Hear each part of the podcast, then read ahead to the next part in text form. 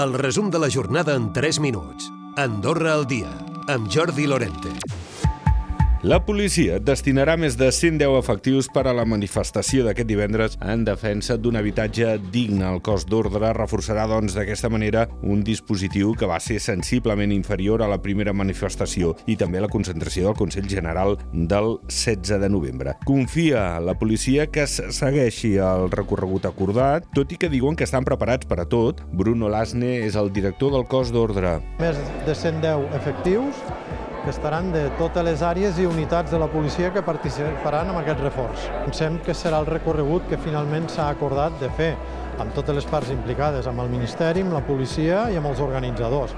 I tant, tant és així que nosaltres estarem preparats per qualsevol eventualitat.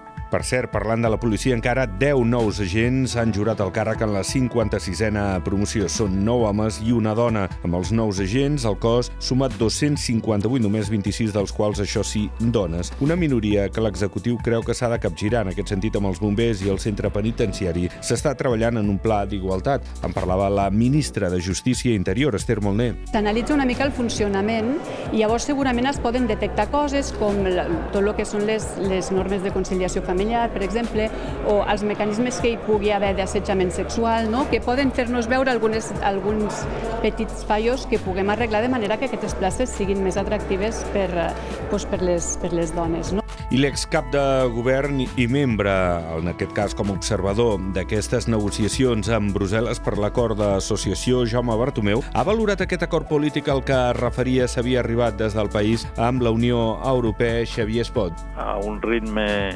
una mica massa accelerat, perquè quan es va molt accelerat no tens prou temps de reflexionar i d'analitzar, o el suficient temps, però jo crec que mm, amb la serenitat que s'ha pogut no s'ha aconseguit un resultat dolent. Primer necessitava millorar, s'han millorat moltes coses i ara hem d'anar per feina, que és eh, saber mm, el, els costos de tot això, perquè en tindrà, i els guanys de, de, de tot plegat, que també en tindrà i molts. Els veïns de l'edifici Escardat a Santa Coloma i que van haver de ser desallotjats podrien tornar a casa al febrer o al març, ho explicava el cònsul major David Astrier. No sabem si al febrer o al març. Jo m'agradaria que els propietaris, un cop hi hagi aquest acord de responsabilitat compartida doncs, efectuessin els treballs el més aviat possible perquè tota la gent que ja s'ha hagut de desallotjar i reallotjar en d'altres llocs pugui tornar a casa, seu, a casa seva el més aviat possible. Però tot depèn dels propietaris. Aquí jo llenço la pilota als propietaris i que siguin ells els qui, els qui ens eh, accelerin al màxim tot aquest procés. I Naturland descarta instal·lar un telefèric a l'estació perquè diuen no seria rendible. L'Ecoparc, per cert, preveu deixar de dependre del comú econòmicament en 3 anys.